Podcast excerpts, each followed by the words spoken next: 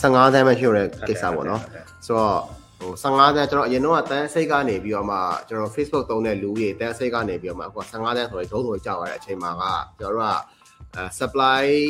supply နေသွားပြီးတော့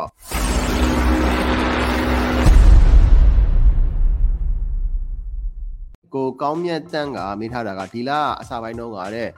အဲ platform ကြောင့်လားတဲ့ကျွန်တော်တို့အရောက်ဝယ်ပါပြီးတော့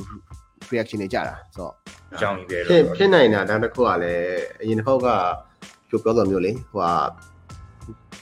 15တန်းပဲရှိရတဲ့ကိစ္စပေါ့နော်ဆိုတော့ဟို15တန်းကျွန်တော်အရင်တော့တန်းစိတ်ကနေပြီးတော့မှကျွန်တော် Facebook သုံးတဲ့လူကြီးတန်းစိတ်ကနေပြီးတော့မှအခု15တန်းဆိုရင်ဒုံးဆိုကြောက်ရတဲ့အချိန်မှာကကျွန်တော်တို့ကအဲ supply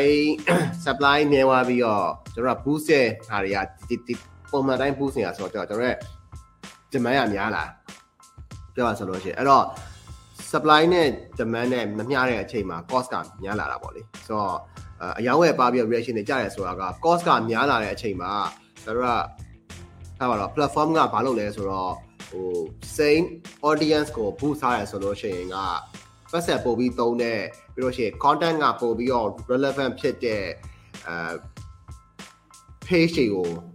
ပို့ပြီးတော့ reach ပေးရ right so အဲ့အဲ့အဲ့အဲ့အချိန်မှာကျွန်တော်တို့က ဟို reach တွေကြကုန်ပြီးတော့မှဒီ reaction တွေကြကုန်ပြီးတော့မှကျွန်တော်အယောင်းဝယ်ပို့ပြီးတော့ပါလာတယ်လို့တော့မြင်ပါတယ်